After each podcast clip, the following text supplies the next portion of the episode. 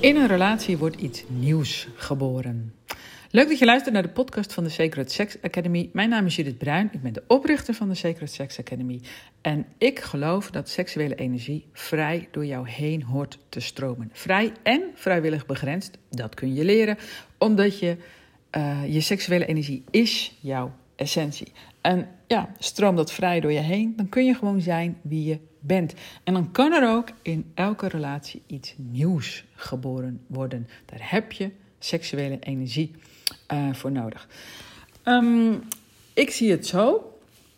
Een relatie kun je herkennen aan het feit dat er iets nieuws ontstaat.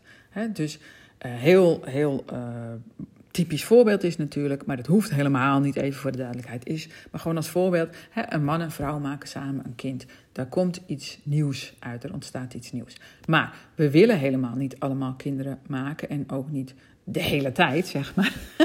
en uh, als het goed is, blijft die relatie toch uh, bestaan. Hè? maar ontstaat er niets nieuws in jouw relatie? Dus creëren jullie samen niets? En dat iets, dat kan heel veel zijn. Hè? Dat kan, kan liefde zijn. Je kunt samen aan een, droom werken. Je kunt samen een bedrijf hebben. Um, um, je kunt samen eh, dingen organiseren voor een dorp. Hè? Dus er kan een heleboel. Dat is heel breed wat er kan ontstaan vanuit een relatie. De andere kant is dat als er niets ontstaat, hè, uh, dan heb je geen relatie, maar dan is het gewoon een contract. Met afspraken over financiën, over zorgtaken en vaak ook over seksualiteit.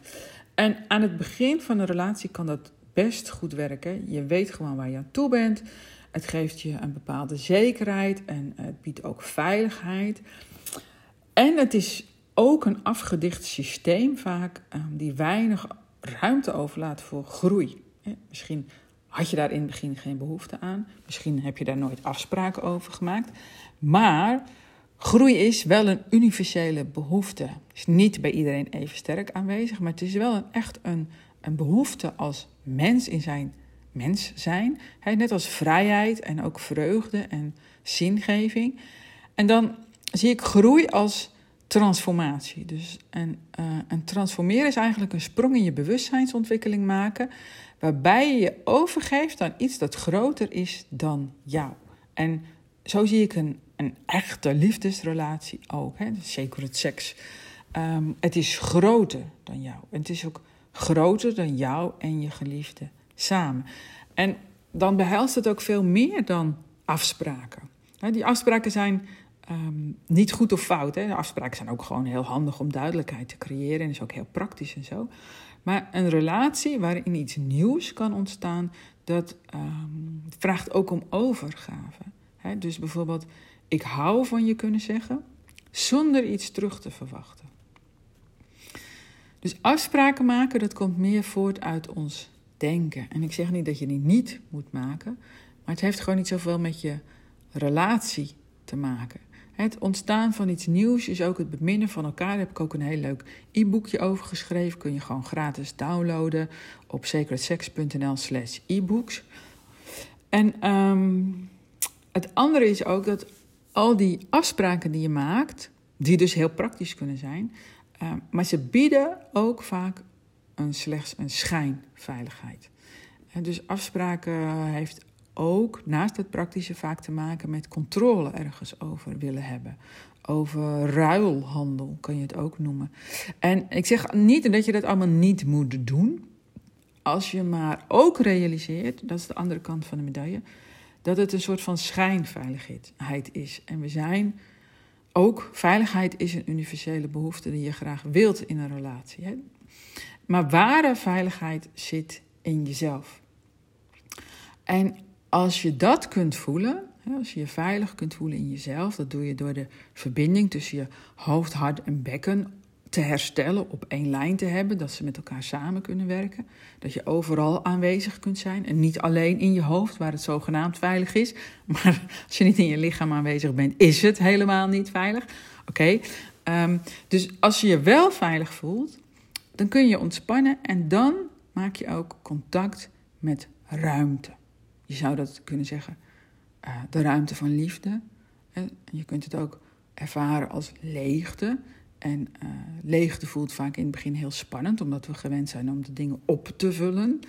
Um, maar als je contact maakt met die ruimte, de ruimte van liefde, hè, dan, dan voel je je al geliefd. Je bent al geliefd. En dan maakt het niet zoveel meer uit wat je geliefde over je zegt of denkt.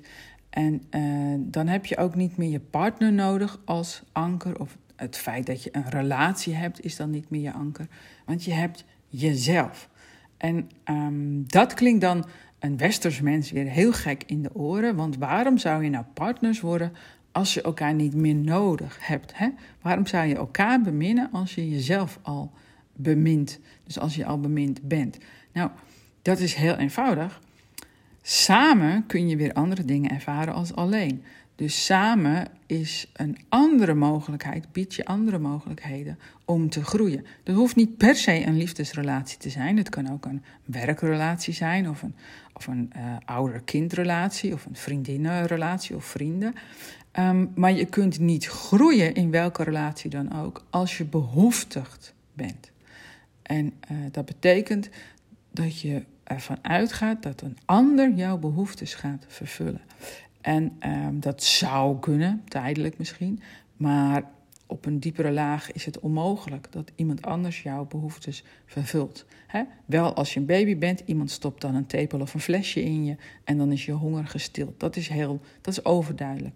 Maar later, als je groot bent, als je deze podcast luistert, uh, dan is het niet uh, slim om ervan uit te gaan dat je partners jouw behoeftes gaat vervullen.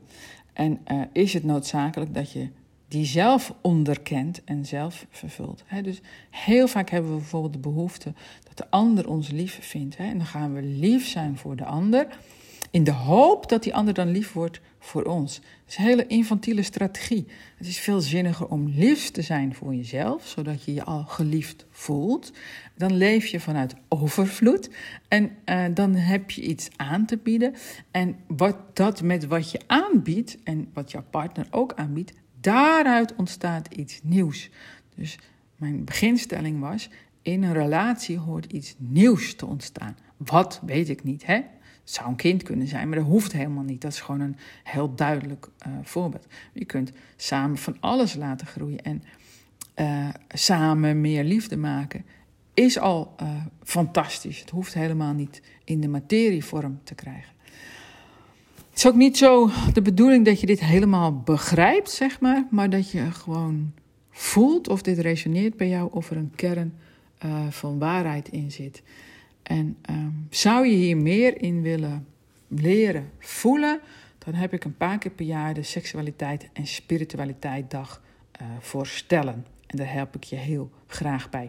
Dan ga je gewoon naar sacredsex.nl slash inwijdingsdagen en daar komt die tevoorschijn.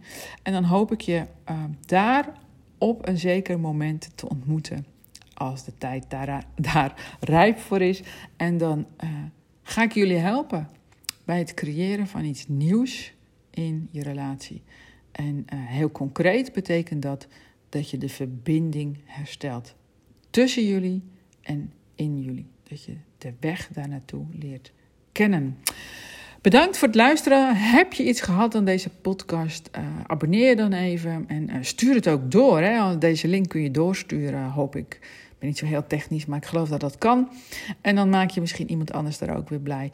En als je je abonneert, dan help je ook op een organische manier mijn bereik te vergroten. En dus meer liefde en veiligheid en aangename seksualiteit in de wereld te brengen, zodat je kunt zijn wie je bent. Dankjewel voor het luisteren en hopelijk tot een volgende keer.